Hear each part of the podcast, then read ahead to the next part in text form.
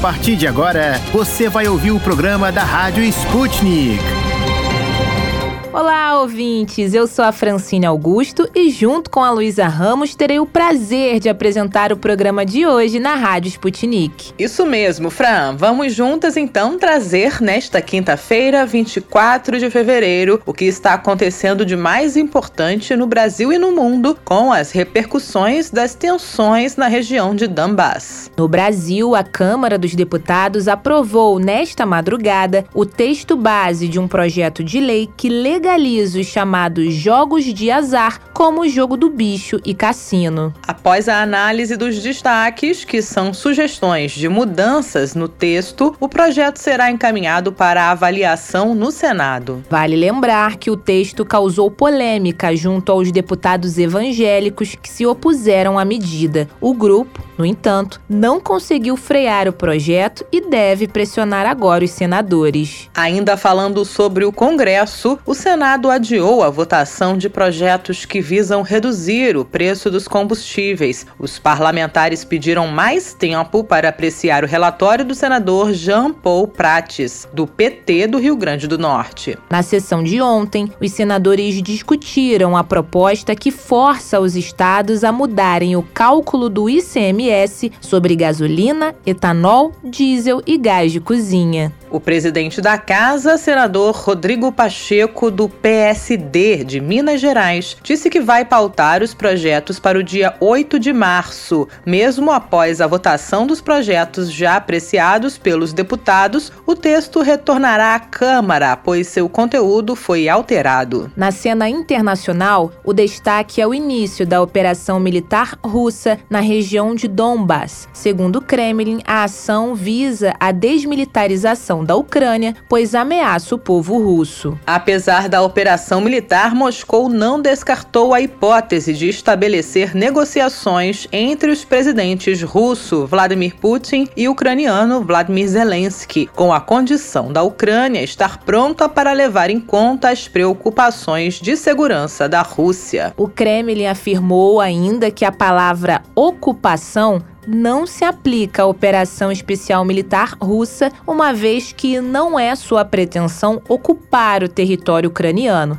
nem estender qualquer tipo de conflito na região. Em discurso nesta quinta-feira, o presidente da Rússia, Vladimir Putin, se dirigiu pela segunda vez nesta semana aos cidadãos russos para anunciar a operação militar especial em Donbass. Putin afirmou que a Rússia não pode mais ficar indiferente ante as ações dos Estados Unidos e aliados da OTAN que ameaçam a segurança do país. Em contrapartida, o presidente ucraniano Zelensky declarou o rompimento das relações diplomáticas com a Rússia em resposta à operação militar. A atitude marca a primeira ruptura nos laços desde que Rússia e Ucrânia se tornaram países independentes após a dissolução dissolução da União Soviética em 1991. O Ocidente também reagiu e o secretário-geral da OTAN, Jens Stoltenberg, declarou que representantes permanentes na organização chegaram a um acordo para acionar o plano de defesa que prevê a implantação de forças de reação em países membros da Aliança Atlântica. Ele acrescentou também que a Aliança Atlântica apoia a Ucrânia, mas mas garantias de segurança firmes são dadas apenas aos aliados da OTAN. Continuaremos acompanhando e atualizando vocês sobre o desenrolar da situação na região de Donbas, claros ouvintes. Depois disso, que tal conferirmos o que preparamos para vocês no programa de hoje? E no programa de hoje.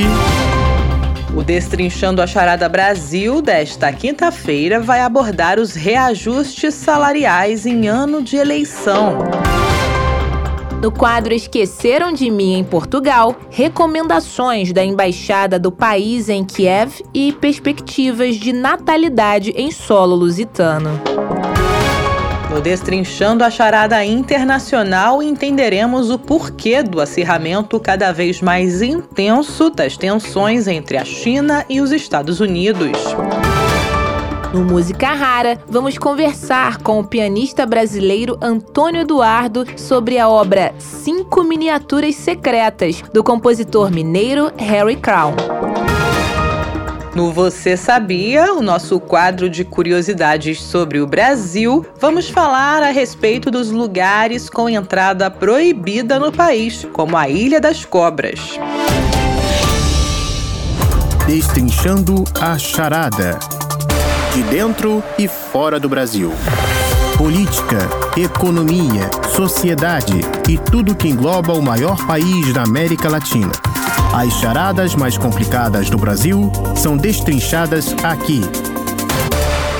Oi, ouvintes! O nosso Destrinchando a Charada Brasil de hoje vai abordar a questão dos reajustes salariais em ano de eleição. Isso mesmo, Fran. Um assunto que tem dado o que falar. Inclusive, um levantamento feito recentemente mostrou que em pelo menos 16 estados, os governadores decidiram dar aumento salarial aos servidores. Luísa, entre os estados que decidiram reajustar os vencimentos estão Bahia, Ceará, Maranhão, Mato Grosso, Mato Grosso do Sul, Paraná, Piauí, Rio Grande do Norte e Tocantins. Situação que para muitos é mal vista, já que pode ser uma espécie de moeda de troca na campanha em busca de uma reeleição. Em São Paulo, por exemplo, João Dória, que é pré-candidato ao Planalto, anunciou um aumento de 20% no salário dos profissionais da saúde e segurança pública e de 10% para as demais categorias, e isso a partir do próximo dia 1. Já no Rio de Janeiro, o governador Cláudio Castro publicou um decreto de recomposição salarial de 13% para os servidores públicos ativos, inativos e pensionistas do estado. E esse reajuste foi dado em meio à tentativa do Rio de ingressar no regime de recuperação fiscal. O governo federal também anunciou reajustes para forças de segurança. Essa decisão não foi aceita por outras categorias que também exigiam melhores salários. O presidente Jair Bolsonaro chegou a reservar 1 bilhão e 700 milhões de reais no orçamento para reajustar os vencimentos de policiais federais, rodoviários federais e agentes penitenciários. Vale lembrar que existe uma lei proibindo que servidores recebam aumento de salário em ano de eleições. Apesar da lei, há um prazo em que isso pode acontecer, o período de 180 dias antes das eleições. Este é um motivo de muitos anunciarem a mudança salarial logo no início do ano. Essa proibição, que vai até o fim da campanha eleitoral, visa garantir o equilíbrio da disputa. Para trazer uma análise a respeito deste tema, convidamos para este bate-papo a Maíra Goulart, cientista política e professora da Universidade Federal do Rio de Janeiro. Oi, Mayra. Agradecemos por conversar com a Rádio Sputnik. Professora, não é de hoje que acompanhamos esta questão salarial sendo colocada em pauta em anos eleitorais, quase que uma promessa padrão dos candidatos. Isto é comum em outros países? Essa pressão fiscal em momentos eleitorais, ela é constitutiva, ela é quase é, um dado da própria política, né? Estudos comparados mostram que isso acontece em quase todos os lugares do mundo. É claro que uns mais, outros menos. Mas percebendo que existe essa pressão fiscal, uma pressão por um aumento dos repasses à sociedade em contextos eleitorais, é que as regras foram criadas regras jurídicas para evitar que esses aumentos sejam concedidos às vésperas das eleições.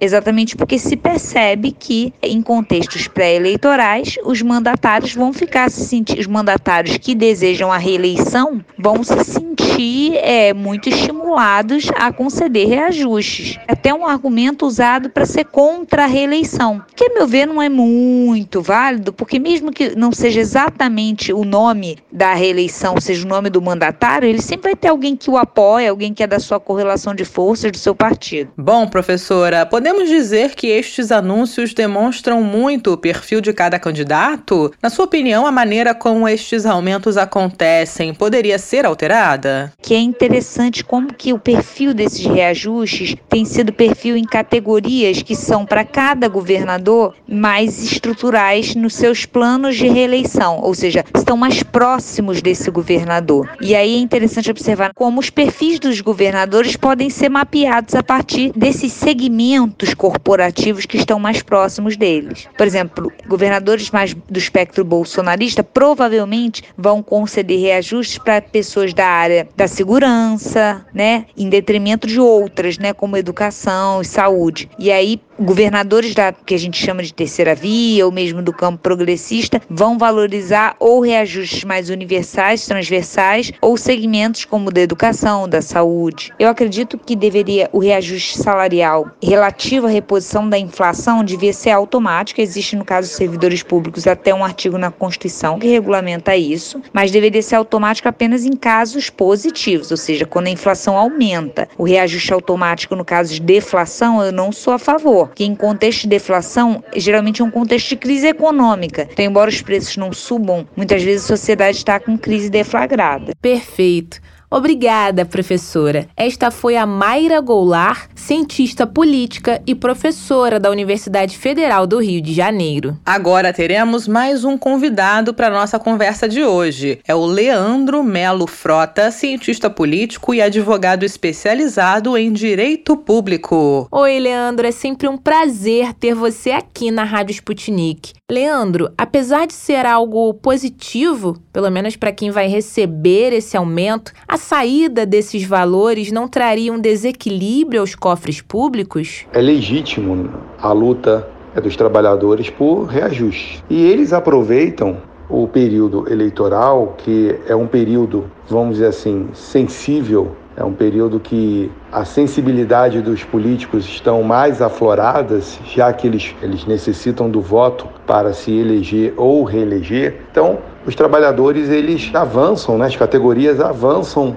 nesses períodos porque sabem que há uma tendência dos governos estaduais ou quando é eleição municipal, governos municipais e a União de querer favorecer essas categorias para tentar sensibilizar pela busca do voto, tá? Agora, qual o impacto? O impacto, ele, se isso não foi programado, é um impacto gigantesco, porque acaba tendo um descontrole das contas públicas. É diferente quando você planeja, olha, determinada categoria não tem aumento há um tempo, existe uma necessidade de aumentar, vamos fazer um planejamento durante esses quatro anos para que a gente consiga fazer esse aumento para essa categoria. Outra é quando é um aumento no período eleitoral apenas para agradar, apenas para obter a possibilidade do voto daquela categoria. É óbvio que para a categoria é legítimo, é importante essa luta, mas os governos eles precisam ter ali a gestão, entender que existe uma necessidade de gestão, de gestão das contas públicas, né? Existe uma necessidade de você fazer um planejamento até para ver se existe possibilidade de aumentar qualquer categoria. Essa manobra ela pode ser um risco, como eu disse, aos cofres públicos, se não tiver previsão orçamentária, se não tiver controle, se não tiver gestão, se isso não foi feito com um planejamento. E Leandro, existe alguma maneira de evitar essas manobras feitas pelos políticos? A quem caberia fiscalizar esse tipo de prática? Existem os órgãos de controle, nós temos os tribunais de contas que deveriam ficar atentos, nós temos os ministérios públicos, tanto os estaduais quanto o Ministério Público Federal, entendeu? Eles têm a necessidade, eles estão atentos a essas manobras, até para verificar se essa manobra, se ela é eleitoreira ou se é fruto de um planejamento, porque pode ser que o planejamento caia naquele ano.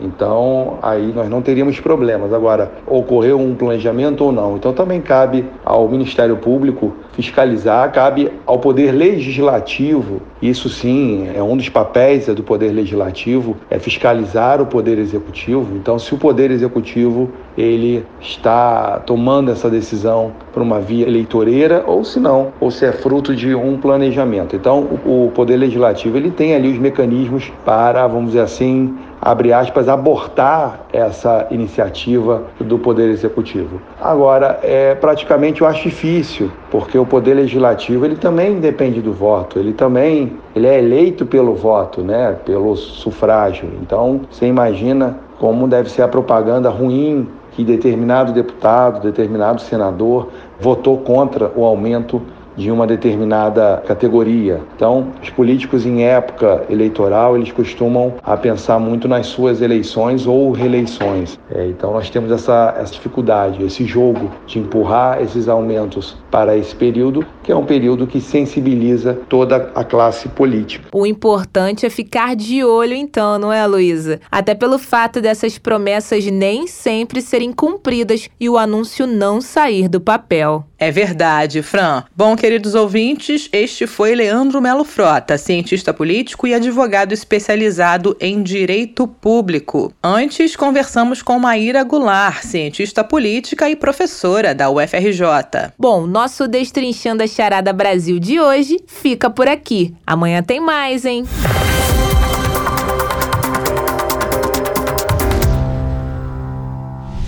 Esqueceram de mim em Portugal.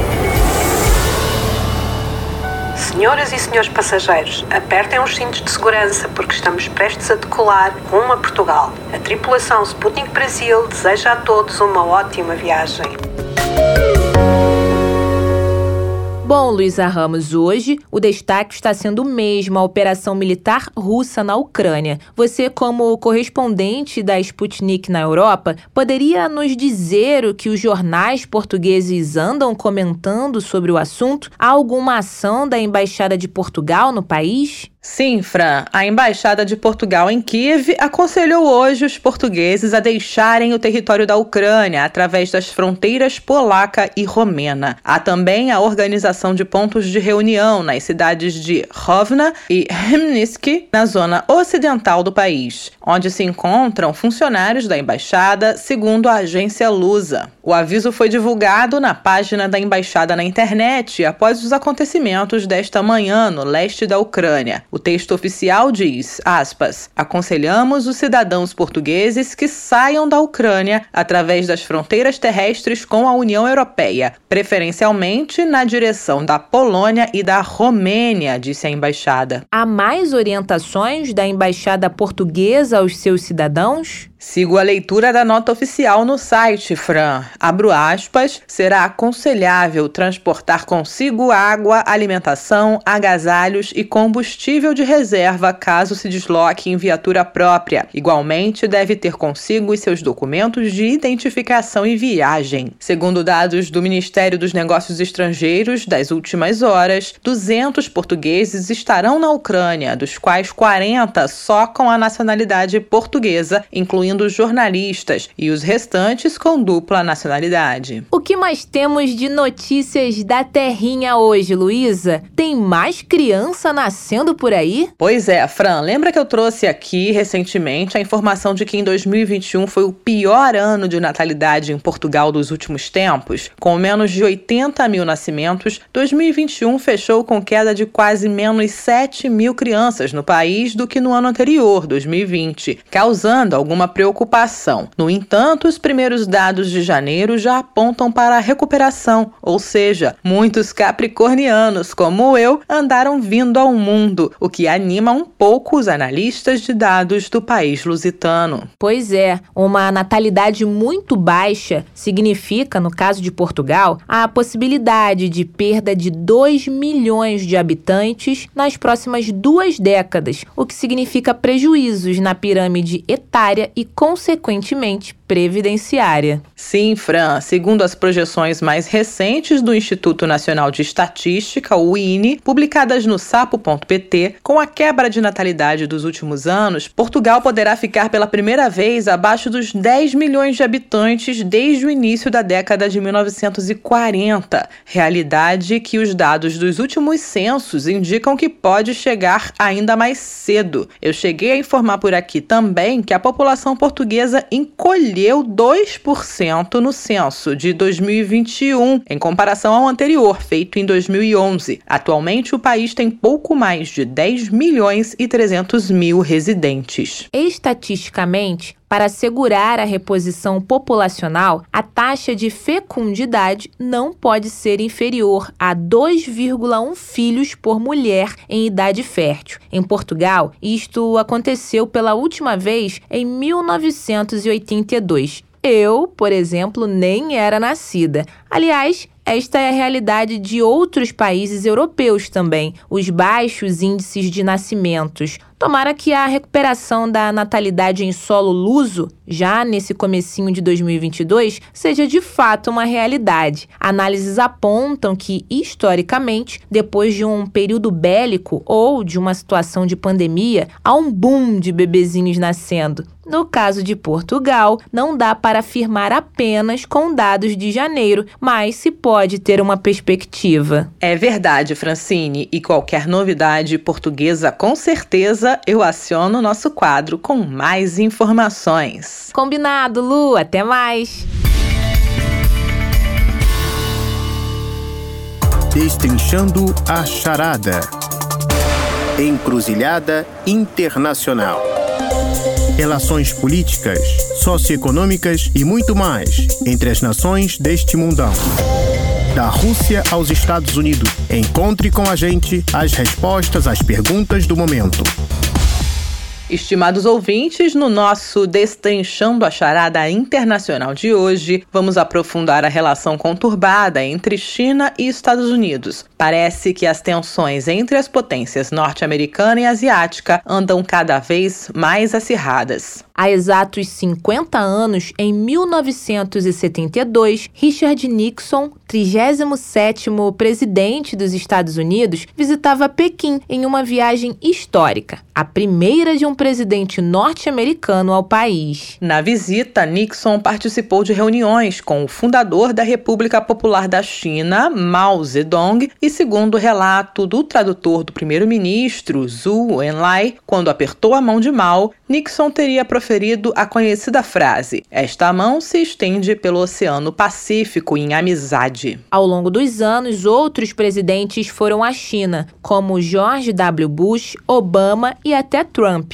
Após cinco décadas, as relações entre China e Estados Unidos estão em um nível tão baixo que alguns analistas apostam que poderiam até remeter a uma Segunda Guerra Fria. O crescimento do gigante asiático incomoda a potência ocidental ocidental, que tenta de todas as formas conter o avanço chinês e manter sua posição. Já a China cada vez mais amplia o seu PIB e segue se alinhando a fortes parceiros como a Rússia. Será que é exagero falar que as hostilidades e confrontos diplomáticos envolvendo sanções e acusações entre China e Estados Unidos podem levar a uma nova guerra fria? Para avaliar este ponto da questão, a Sputnik Brasil ouviu Roberto Dumas, professor de economia chinesa do Instituto de Ensino e Pesquisa de São Paulo, o INSPER. Agradecemos sua disponibilidade em participar da reportagem, professor. Muito obrigada, Roberto Dumas, pela sua presença hoje. Queremos saber se, na sua visão, os historiadores e analistas que afirmam que a relação Estados Unidos-China está em uma de suas piores fases têm ou não razão. Como que o senhor analisa o momento atual das relações entre as duas potências? De fato, a relação Estados Unidos e China ela nunca esteve tão estremecida. Isso já começou desde a época época que a China entrou na Organização Mundial do Comércio e passou a ter superávites cada vez maiores. É um erro macroeconômico achar somente que é por causa de distorções e fatores que a China tem o superávit. Não vamos esquecer que você precisa de dois para dançar tango. Você precisa gastar muito.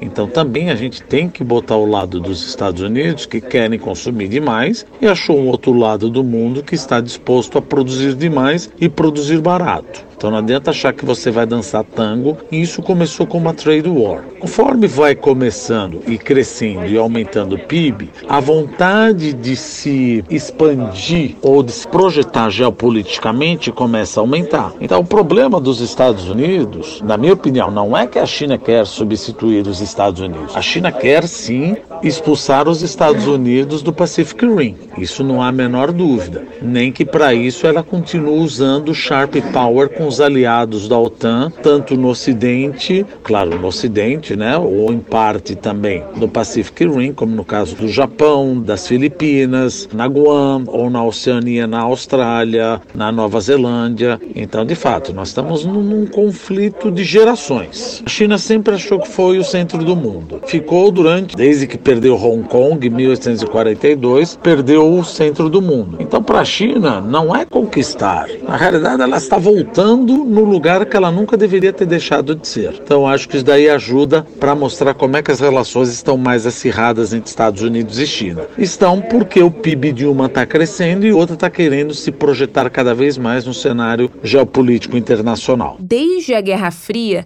a riqueza da China permitiu expansão das suas forças armadas, que os Estados Unidos e seus aliados veem hoje como uma ameaça. Além das forças armadas, verificamos movimentos comerciais também muito fortes com o estreitamento de laços com países da América Latina, como a Argentina, que recentemente integrou o acordo da nova Rota da Seda. Podemos dizer que as relações comerciais com aliados dos Estados Unidos são uma espécie de nova arma chinesa contra os norte-americanos? Falar que é uma forma de arma é uma coisa um pouco pesada. Eu diria o seguinte: você tem vários tipos de power. Você tem o soft power, que é tentar mostrar, desenvolver ou difundir a cultura confucionista, a cultura chinesa. Você tem o Sharp Power, que aí entra a parte comercial e de investimentos, ou seja, em resoluções de conflitos na ONU, etc. É óbvio que, dado que eu botei muito dinheiro no teu país e o seu maior parceiro comercial, é mais difícil você deliberadamente, rapidamente contra mim. Então, isso é uma maneira de exercer o sharp power. Por que, que a China exerce o sharp power? A China não pode exercer o hard power na América Latina, como os Estados Unidos exercem o hard power lá no Pacific Rim, colocando navios e bases militares. Então, é uma forma de você conseguir trazer aliados através de investimento e mais dependência econômica e financeira. Isso também não é pensado. Veja, o Brasil também está no berço esplêndido. O Brasil fala: olha, eu dependo da China, sim, mas ninguém botou uma arma na cabeça da China, como do Brasil, como a gente fala, falando você tem que vender para a China. Ora, Brasil, diversifique seus compradores. Você que está dependendo da China, por que, que você não está vendendo para outro? Por que, que você não fechou e já tentou botar em andamento o acordo de livre comércio com a União Europeia? Por que, que você não fez o Mercosul dar certo? Ou seja, olha quantos acordos de livre comércio tem. Quer dizer, no final das contas, você está caindo no colo da China. Então é importante pensar isso. Agora, que a China está usando isso como Sharp Power para trazer mais aliados e se projetar mais ainda no mundo, isso é evidente. Certo, professor. Bom, cinco décadas depois daquela primeira visita de Nixon a Pequim, Washington enfrenta um novo cenário geopolítico, mas ainda refletindo ecos do passado, vendo os líderes russo e chinês Vladimir Putin e Xi Jinping se aproximando cada vez mais. Exato. E em que medida ambos os líderes reagem contra a pressão dos Estados Unidos sobre os seus modelos de governo? Se você analisar no começo das ameaças às invasões, Xi Jinping, ou melhor, o embaixador, o ministro das Relações Exteriores, ele foi bem incisivo. Olha, estamos juntos. Nós não queremos, etc., guerra, etc., tal, tal, tal mas não concordamos com a expansão da OTAN. Ele foi um pouco duro em relação aos Estados Unidos. Ele baixou o tom. Ele baixou o tom por quê? Porque ele também tem um problema em casa. Ele falou: olha, é importante que a independência e a soberania dos países seja respeitada. E da mesma maneira que ele quer que a soberania da China e de Taiwan, ou melhor, da China, seja respeitada, ele precisa defender que a soberania e a independência da Ucrânia seja respeitada. Ele está num ponto meio complicado. Então, por isso que ele botou linha na fogueira, Xi Jinping, mas abaixou um pouquinho falando que os países, sem botar nome, precisam respeitar a soberania dos outros. Do tipo, não concordo muito com você invadir a Ucrânia. Ele largou um pouco a mão da China nessa última semana aqui. E como podemos relacionar a visita recente de Bolsonaro à Rússia nesse contexto, professor? Os Estados Unidos podem estar vendo a situação como uma espécie de desvio de seus aliados? Primeiro, se você olhar pela política externa, não tem o pior momento de você visitar a Rússia. Você está no meio de uma guerra e isso não fica bem para a comunidade democrática internacional. Isso é óbvio. Então, por isso que fala, você está do outro lado da história. Por outro lado, é importante deixar claro, o que ele foi fazer lá, ele foi fazer comércio. Da mesma maneira que a Rússia pode não respeitar, a China também não respeita. E tem muita gente que não respeita algumas coisas. O que o Bolsonaro foi fazer lá, ele primeiro, o Brasil, a República Federativa do Brasil, ela tem que ser autônoma e soberana e não pode ser subserviente a ninguém, nem ao Brasil, nem à China e nem à Rússia. Então, se eu estou indo lá, eu estou indo lá para negociar, fazer negócios, acordos comerciais, mas principalmente acordo que leve em consideração fertilizante, que é o que o Brasil precisa para abastecer a China e outras partes do mundo. Então, a conversa lá não foi para a Ucrânia. Ah, mas poderia desmarcar. Mas se eu desmarcar, como é que o Ocidente vai pensar? Que eu sou serviço subserviente. Se eu não desmarcar, a gente fala, você está do outro lado. Veja, desculpa, eu faço o que eu quero. Eu tenho os meus interesses. Eu não preciso me aliar a um lado. Quem está brigando é Rússia, Ucrânia Estados Unidos. O Brasil não tem nada a ver com isso. Então eu não preciso desistir de. Veja, o que é importante é, em nenhum momento que eu não vi acontecer, é que seja mencionada a palavra Ucrânia nessa visita. O que não foi feita. Meu interesse aqui é absolutamente comercial. Eu só não desmarquei porque já estava marcado antes das tensões. Se fosse marcado depois das tensões, aí ficaria mais problemático. Então, subserviência para ninguém. E de que maneira as tensões atuais afetam a situação de Taiwan? Com a atual crise Rússia-Ucrânia, podemos dizer que o atrito com os Estados Unidos na região de Taiwan se acalmou? Não, muito pelo contrário. A China está olhando com olhos de lince como os Estados Unidos respondem com essa invasão da Rússia na Ucrânia. Vai ser com sanções? Veja, a Rússia está invadindo as regiões separatistas no leste da Ucrânia. E Xi Jinping está vendo como os Estados Unidos estão olhando. É claro que a China tem um peso geopolítico muito maior para os os Estados Unidos do que a Rússia. Mas a China também quer ver como os Estados Unidos vão responder militarmente uma invasão total da Ucrânia pela Rússia. Se não houver nenhum aspecto militar, que informação você está passando para os chineses? Olha, então provavelmente uma invasão de Taiwan não vai ser respondido de forma imediata militarmente. Você pode estar tá passando essa informação para eles. Então, interessa esse conflito para ver como os Estados Unidos eventualmente, óbvio, com os pesos e medidas, responderiam a uma evasão da China em Taiwan. Certo. O atual presidente dos Estados Unidos, Joe Biden, disse que deseja um relacionamento mais previsível com a China,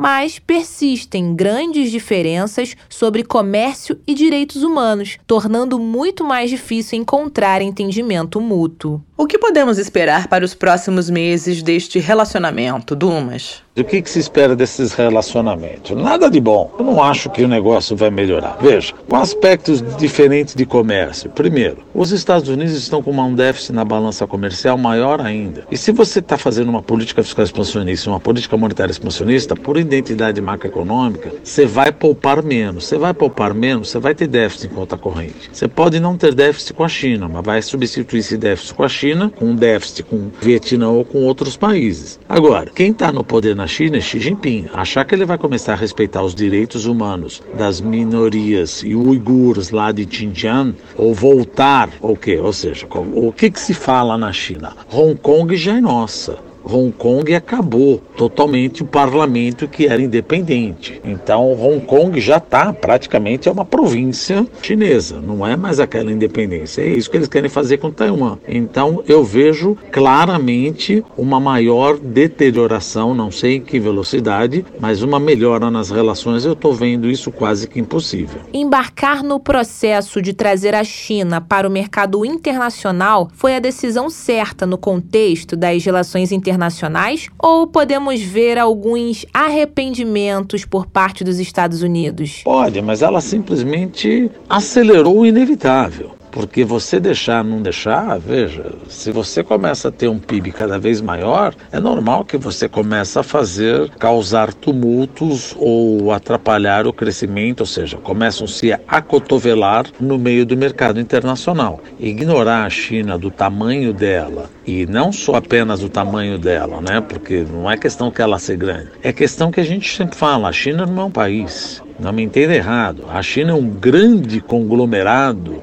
que faz parte de uma grande estrutura de supply chain. Então você não pode falar, olha, me arrependi. Veja, a China fez parte e ela está em todas as mesas de todos os consumidores do mundo inteiro. Então, se ela se arrependeu ou não se arrependeu, isso a história vai contar. Mas agora, Inês é morta. É o que a gente tem. A importância da China, ela não se torna só geopolítica, ela se torna extremamente econômica, porque, como eu te disse, ela faz parte de uma grande supply chain. E é difícil você substituir a China rapidamente por outro país. Posso tentar substituir por Vietnã, posso tentar substituir por mão de obra barata Vietnã, por Bangladesh, por outros países, mas que contenha todos os factor endowments que a China tem, não tem outro país no mundo que possa substituir por enquanto dessa magnitude. Agradecemos mais uma vez ao nosso entrevistado, Roberto Dumas, professor de economia chinesa no INSPER, em São Paulo. No nosso site br.sputniknews.com temos esta entrevista em texto, editado por Yasmin Scali. A entrevista foi produzida por mim, Luísa Ramos. Para encontrar a reportagem, basta acessar a aba Panorama Internacional ou digitar na busca China e Estados Unidos. Encerramos a segunda entrevista do dia por aqui, caros ouvintes. Até a próxima.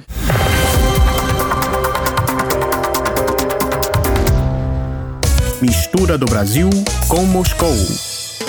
A mistura agora é com a Rússia e a coreografia já está pronta. Com os gingados russos e brasileiros, as relações estão em sintonia entre estes dois gigantes. Em parceria com o projeto Música Rara Brasileira, a Rádio Sputnik tem o prazer de anunciar a obra Cinco Miniaturas Secretas, do compositor mineiro Harry Crown, interpretada pelo pianista Antônio Eduardo. Crow tem uma sólida carreira no exterior e já gravou diversas obras, inclusive na Rússia, queridos ouvintes. Para conhecermos essa composição, Cinco Miniaturas Secretas e um pouco mais sobre sua carreira, convidamos o Santista Antônio Eduardo, pianista e professor. Olá, professor Antônio, seja bem-vindo à Rádio Sputnik. O que o senhor poderia falar com os nossos ouvintes sobre a composição Cinco Miniaturas Secretas? As cinco miniaturas secretas de Harry Crow, escritas em 2019, elas revelam em cada uma delas uma faceta, uma personalidade diferente. Talvez justamente por este segredo que é a personalidade humana na sua individualidade. E aí eu posso dizer que, segundo o próprio compositor, ela foi inspirada ou ela foi um retrato de cinco pessoas que fizeram ou fazem parte da vida do compositor e desta síntese da personalidade ele escreveu cada uma dessas cinco miniaturas. E transpô-las para o papel como compositor, sem dúvida nenhuma, é uma tremenda dificuldade. E para nós, intérpretes, justamente intérpretes que buscam incentivar essa produção e descobrir na partitura sempre o novo, o inédito no discurso musical, sem dúvida foi um grande desafio também para mim como intérprete. Porque eu posso dizer que cada obra do Harry Crow tem uma característica muito individual. Sempre em cada uma delas eu noto novas possibilidades sonoras. E as cinco miniaturas secretas, elas desvelam estas possibilidades, ou melhor dizendo, esta diversidade de discurso. Portanto, o compositor Harry Crow, na sua independência de linguagem, é sem dúvida nenhuma um dos mais importantes compositores da atualidade e, sobretudo, no que diz respeito para a escrita, para o instrumento, para o piano. Revela uma sensibilidade, revela um conhecimento muito aprofundado das possibilidades timbrísticas do instrumento, e em cada uma dessas miniaturas, nota-se profundamente e de maneira muito clara isso. E quanto ao autor da obra, o Harry Crow, e o seu trabalho como compositor, quais são as suas influências e principais composições? Sobre o Harry Crow, eu gostaria de falar não apenas como compositor, mas pela pessoa e pelo amigo que eu tenho já de muito tempo. Nós tivemos oportunidade de estar juntos inúmeras vezes no Paraná, algumas vezes em São Paulo Paulo, tive a oportunidade de estrear duas de suas obras para piano, como foi o caso de Transeuntes para a série Bossa Nova, que eu havia encomendado a diversos compositores, e o Harry escreveu uma de suas obras mais impressionante de toda a sua literatura para piano. E também uma obra que eu estreiei no Teatro Guarani em Santos, chamada Lar Helmstrom, em Santos. Ele conta uma história dessa peça, uma história fascinante, que merecia ser contada não apenas como uma história comentada, mas como um verdadeiro trabalho acadêmico, porque conta não apenas a trajetória do Lar Helmstrom, mas também conta nas suas entrelinhas uma história que fez parte da cidade de Santos, esse cosmopolitismo que o Porto trazia para a cidade de Santos. Poderia falar também que o Harry Krau nasceu em Minas Gerais e vive hoje no Paraná. Uma curiosidade sobre o compositor é que foi, nos anos 80, 90,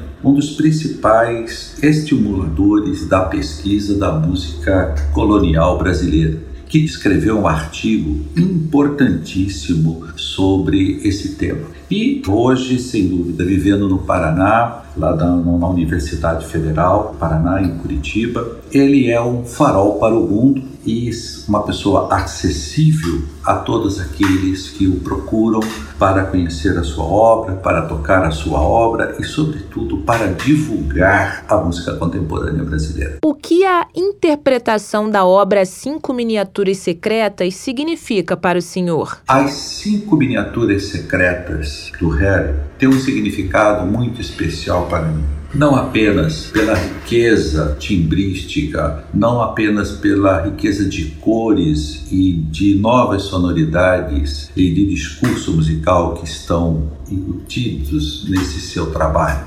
Mas, como já disse, ela é um grande desafio, cada uma delas você interpretar uma nova personalidade. Cada uma das cinco miniaturas tem uma personalidade própria. Este foi para mim o grande desafio de interpretar as cinco miniaturas secretas que eu tenho oportunidade de levar até vocês através da música rara brasileira, que certamente eu espero que desperte nos ouvintes e também nos jovens estudantes a curiosidade por um repertório importante. Eu tive a oportunidade, sim, de estrear obras do Harry como já disse anteriormente, a Transeuntes e o Lar Helmstrom, cada uma delas com as suas particularidades e com seus desafios. Mas essas cinco miniaturas me dão uma oportunidade de ampliar um pouco mais essa possibilidade de divulgação desta importante obra para o repertório pianístico contemporâneo. Professor, já que a música contemporânea é um marco na sua atuação como pianista, como a obra Cinco Miniaturas Secretas se relaciona a essa sua característica em particular? A música contemporânea, sim, faz parte da minha vida como pesquisador, faz parte da minha vida como pianista, como intérprete, como também faz parte da minha vida como professor, como educador. Nesse sentido, eu poderia dizer que a minha atuação junto ao Festival Música Nova, bem como de outros festivais ou então mostra de música contemporânea, elas eh, fazem parte, digamos assim, da minha rotina como intérprete e como pesquisador, sempre levando e estreando obras do meu tempo. Eu costumo sempre dizer e repetindo aquilo que o compositor belga falou a meu respeito, o compositor Baldwin Buquins, que eu era um intérprete do meu tempo, um tempo que ainda permanece não perene num período, mas ele sempre está em constante mudança. E nessa mudança a gente observa as, a diversidade, a gente observa o percurso de uma estética. E foi assim que eu defino e que eu venho definindo, melhor dizendo, a minha trajetória como intérprete. E a música do Harry, como já tive oportunidade de expressar, sobretudo as cinco miniaturas secretas, ela me dá uma possibilidade de estar sempre descobrindo um novo discurso, uma nova possibilidade de interpretação. Eu aqui fico lembrando, nesse momento, enquanto eu falo das cinco miniaturas, me vem à lembrança uma obra que eu tenho particular interesse, que é a música calada de Frederico Montpou. Não que as cinco miniaturas tenham a ver com a obra de Montpou, mas tanto as miniaturas, como a música calada do Monpou, trazem em si aquilo que eu busco sempre: o discurso do silêncio, o discurso do som, mas o discurso da vida, da nossa contemporaneidade. E o que o senhor destacaria quanto à atuação de Harry Crow no exterior? Sim, a carreira do Harry Crow ela se solidifica cada vez mais no exterior, sobretudo quando nós observamos que a sua obra está sendo reconhecida em solo russo, reconhecida no momento em que o contexto que nós vivemos nos propicia abrirmos um novo campo ou um novo lugar de escuta num país cuja tradição musical e cuja tradição cultural ela remonta quase a milênios. Professor Antônio Eduardo, muito obrigada por participar do anúncio da composição Cinco Miniaturas Secretas de Harry Crown. Um forte abraço e esperamos recebê-lo mais vezes aqui na Rádio Sputnik. E atenção, ouvintes, a obra Cinco Miniaturas Secretas do compositor mineiro Harry Crown vai ser publicada nesta sexta-feira, dia 25 de fevereiro, no canal do Zenon Instituto Cultural no YouTube, a partir das 15 horas. Para conferir a composição na íntegra, é só entrar lá a partir das 15 horas de Brasília, ouvintes. Até lá, fiquem com um trechinho dessa linda composição que trazemos com exclusividade.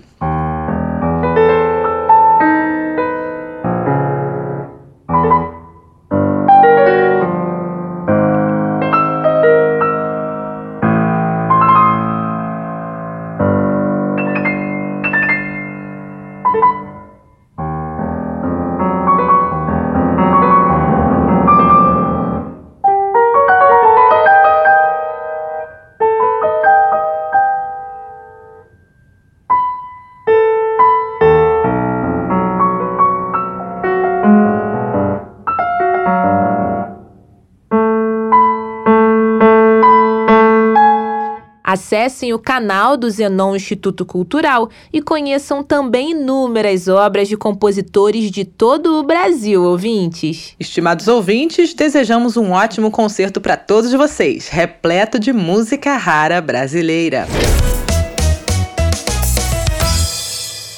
Você sabia? Não? Agora vai saber! Num país gigante como o Brasil, sempre há mistérios ou peculiaridades históricas que merecem ser desvendados. Vem com a gente descobrir! Oi, ouvintes! O tema do nosso Você Sabia de hoje está de arrepiar. Nós vamos falar sobre a Ilha das Cobras. É isso mesmo que vocês ouviram. Existe uma ilha no litoral paulista onde vivem centenas de cobras. São cerca de cinco cobras por metro quadrado. Vocês acreditam nisso? É impressionante mesmo, Lu. Não é à toa que a Marinha não permite o desembarque no local. Somente pessoas autorizadas podem circular pela região. E para entendermos mais sobre esse lugar e os seus perigos, nós vamos conversar com o pesquisador do Instituto Butantan e autor do livro A Ilha das Cobras: Biologia, Evolução e Conservação da Jararaca Ilhoa na Queimada Grande, Otávio Marques. Muito obrigada por conversar com a gente aqui na Rádio Sputnik, professor Otávio. Explica uma coisa: a Ilha das Cobras é um dos poucos lugares no Brasil onde a visitação é proibida. O próprio nome já entrega o motivo dessa proibição? É, o nome faz jus, né? Porque é um local aqui no Brasil que você vai encontrar a maior quantidade de cobras por área. Você tem uma ilha de mais ou menos um quilômetro e meio de extensão, uns 500, 600 metros de largura, ela varia naturalmente, mas é um lugar que, se você for, por exemplo, um dia ali, você vai encontrar 10, às vezes até 20 cobras, coisa que no continente você, na área adjacente ali, se você for na região da, da Jureia, por exemplo, área preservada, você vai encontrar uma cobra a cada mais ou menos 8, 10 horas. Então, a, a, frequência de avistamento é muito grande. Então, em função disso, dessa grande quantidade de cobras, sendo ela uma jararaca e tendo veneno, a ilha passa a ser um local muito perigoso, porque a pessoa se acidentar é muito fácil, dada a quantidade de cobras que você tem na região. Então, totalmente razoável que seja proibido o acesso das pessoas para a ilha, né, para evitar acidentes e também ajudar a preservar a espécie, que é essa outra questão. É verdade. Agora, uma curiosidade. Como essas cobras chegaram na ilha? Há uma explicação para termos essa quantidade tão grande assim desses animais ali? Na verdade, assim, a gente tem que entender um pouco aí de geografia e geologia para entender o processo, né? Então, na verdade, talvez elas não chegaram lá, elas sempre estiveram lá. O que aconteceu foi que o nível do mar se elevou e isolou essa população. Então, que a gente sabe que a Serra do Mar que a gente tem no continente, se a gente voltar mais ou menos 10 mil anos atrás, o nível do mar estava mais baixo. Então, a gente sabe que por volta de 18 mil anos atrás, a gente estava num período, no auge do período glacial, em que a água do oceano estava concentrada na calota polar e nos continentes. Então acontece, a temperatura da Terra vem se elevando continuamente desde então, e com isso a calota polar e a água que estava sobre os continentes começa a derreter e o nível do mar começa a se elevar. Então, mais de 11 mil anos atrás, você ia a pé do continente até a ilha. Então você deveria ter uma população única de jararaca. Com a elevação do nível do mar, ficou um morro isolado ali no meio. E essa população isolada, ela começa a se diferenciar. O que acontece ali na ilha, você tem situações diferentes do continente. Então, por isso, só dando um exemplo que é o mais fácil da gente entender, é a jararaca do continente se alimenta basicamente de roedores. Essa ilha deixou de ter roedores, certo? Então, não tendo roedores, ela precisou se adaptar para essa nova condição e comer um outro recurso, usar um outro recurso que lá ela se alimenta basicamente de aves. Aí, para ela se alimentar de aves, ela começou a usar mais a vegetação, ela ficou um bicho mais leve, mais elástico, a coloração mudou, uma série de. O crânio mudou, então houve uma série de modificações para ela se adaptar a essas novas condições. Você também vai ter menos predadores, né? No continente a gente sabe que tem mais predadores, e ela não tem predador, não tem tanto predador, né? Não tem tantos competidores, então isso permitiu com que a população crescesse muito e tivesse essa abundância local que a gente conhece lá hoje em dia, né? Muito interessante. A gente não se dá conta de que a paisagem pode mudar tanto ao longo do tempo, não é, ouvintes? E o que temos de dados quanto ao número de cobras que vivem nessa ilha, professor? Há um mapeamento sobre a quantidade de espécies que existem nessa ilha? Então, a gente fez um estudo em 2008, porque antigamente o pessoal meio que chutava, né? Achava então a gente tentou quantificar isso estabelecendo quadrados na ilha, sorteando quadrados e contando o número de cobras por quadrado, aí extrapolando para a área, a gente estimou ali entre 2 e 3 mil serpentes. Depois um outro estudo feito pelo pessoal do ICMBio confirmou os nossos dados, então, essa é a estimativa que a gente tem atual, mas a gente não sabe, né? Esse estudo já tem aí mais de 10 anos e ela deve ter caído, né? Por que, que eu falo isso? Porque quando a gente fez o estudo em 2008, além de a gente estimar a população, a gente tinha uma estimativa da frequência de encontro, quer dizer, quantas cobras que eu vejo por um período de tempo, né? aquilo que eu falei, né? que a gente, num dia a gente vê 10, 20 cobras. Então a gente comparou a taxa de encontro nesse estudo em 2008, 2005, 2008, com o que a gente via nos anos de 1990. E a gente verificou o seguinte, que a taxa de encontro em 10 anos, de mais ou menos da década de 1990 até 2008, caiu pela metade.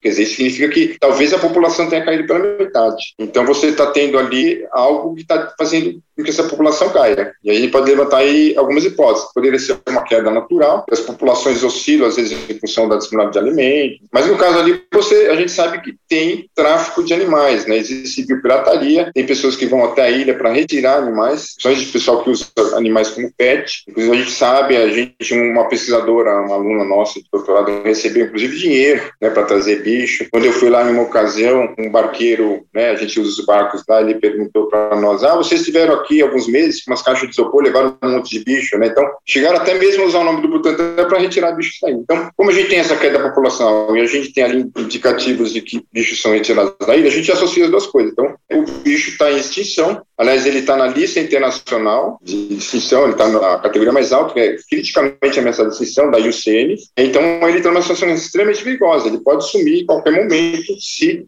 esse quadro não for revertido. Bom, o senhor escreveu o livro A Ilha das Cobras, Biologia, Evolução e Conservação da Jararaca ilhoa na Queimada Grande. Qual é a importância dessa serpente, a Jararaca ilhoa? Ela só existe nessa ilha, Otávio?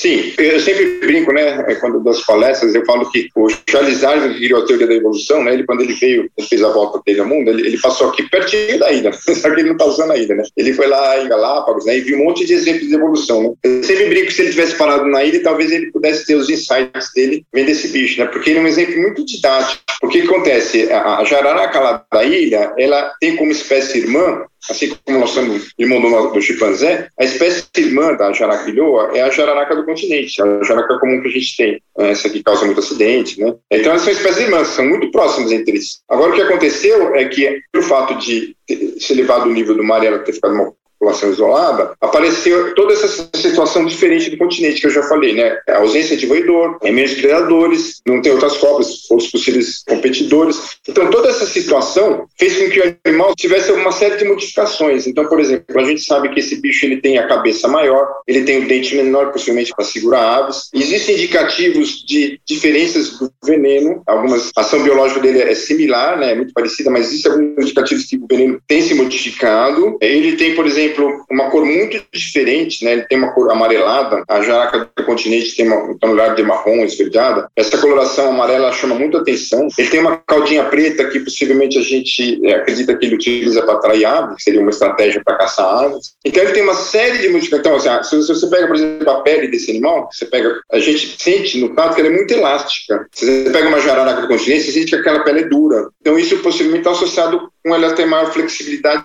para andar sobre a vegetação. A cauda é maior, né, que permite maior equilíbrio, é um bicho mais leve, mais delgado. Então, tudo isso são modificações em função das novas condições que tem na ilha para ela caçar aves. Então, é o que a gente chama, que o Darwin falou tudo isso, ocorreu por causa da seleção natural. Né? Então, tenho certeza que se Darwin tivesse olhado uma jaraca ou uma jaraca continente, ele poderia ter tido um insight da teoria da evolução só olhando esse vídeo. Então, é um exemplo muito didático, né? E, assim, ele é um patrimônio, é um bicho único que existe na natureza, não só tem aqui. É, se a gente acabar com ele, não tem mais. Então, é um fruto é, interessante do processo evolutivo. Né? Então, é, como eu falei, a gente tem que considerar isso como patrimônio no Brasil da humanidade. Né? Muitos pesquisadores eles têm sempre a atenção voltada para cá, né? porque eles sabem da importância desse animal, mais do que aqui, às vezes. Né? Você vê que quando você fala em jaraquilhão no exterior, o pessoal fica muito antenado, né? porque é um bicho muito emblemático, importante. Né? Otávio, muitas pessoas têm medo de cobras e não sabem o que fazer quando se veem diante de um animal como esse. O que devemos fazer quando encontramos uma serpente. Vai que um dia algum ouvinte naufraga na Ilha das Cobras. O que, que ele deveria fazer? Se você encontrar uma serpente na natureza, né, eu sempre falo para as pessoas, né, o impulso que as pessoas têm é matar uma cobra. A primeira coisa que a gente tem que lembrar é que a maior parte das cobras que a gente avista não são venenosas. Né, então a gente realmente acaba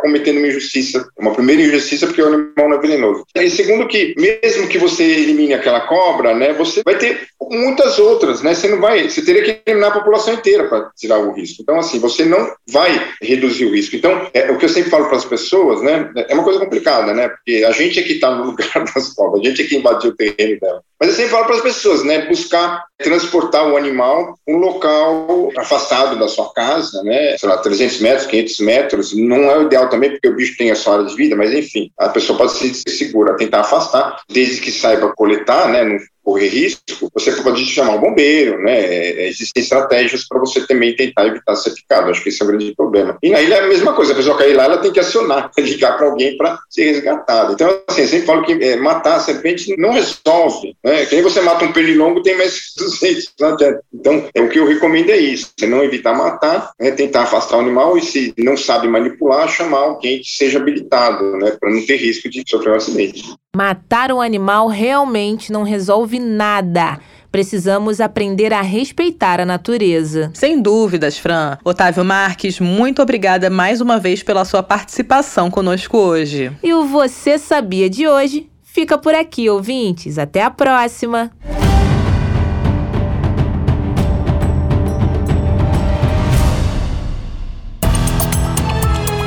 Hora de dar tchau.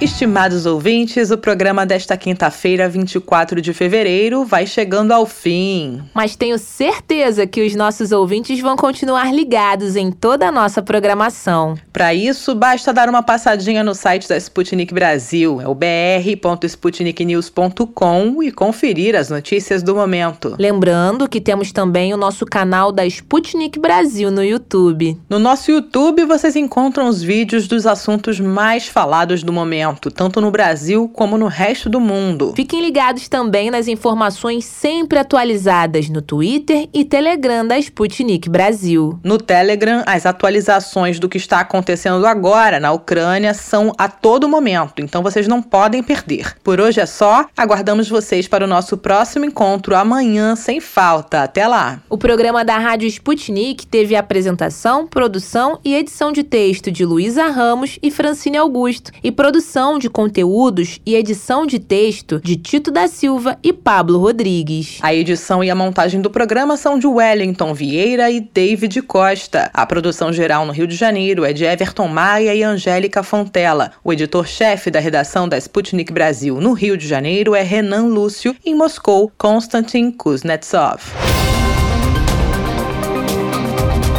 Você acabou de ouvir mais um programa da Rádio Sputnik.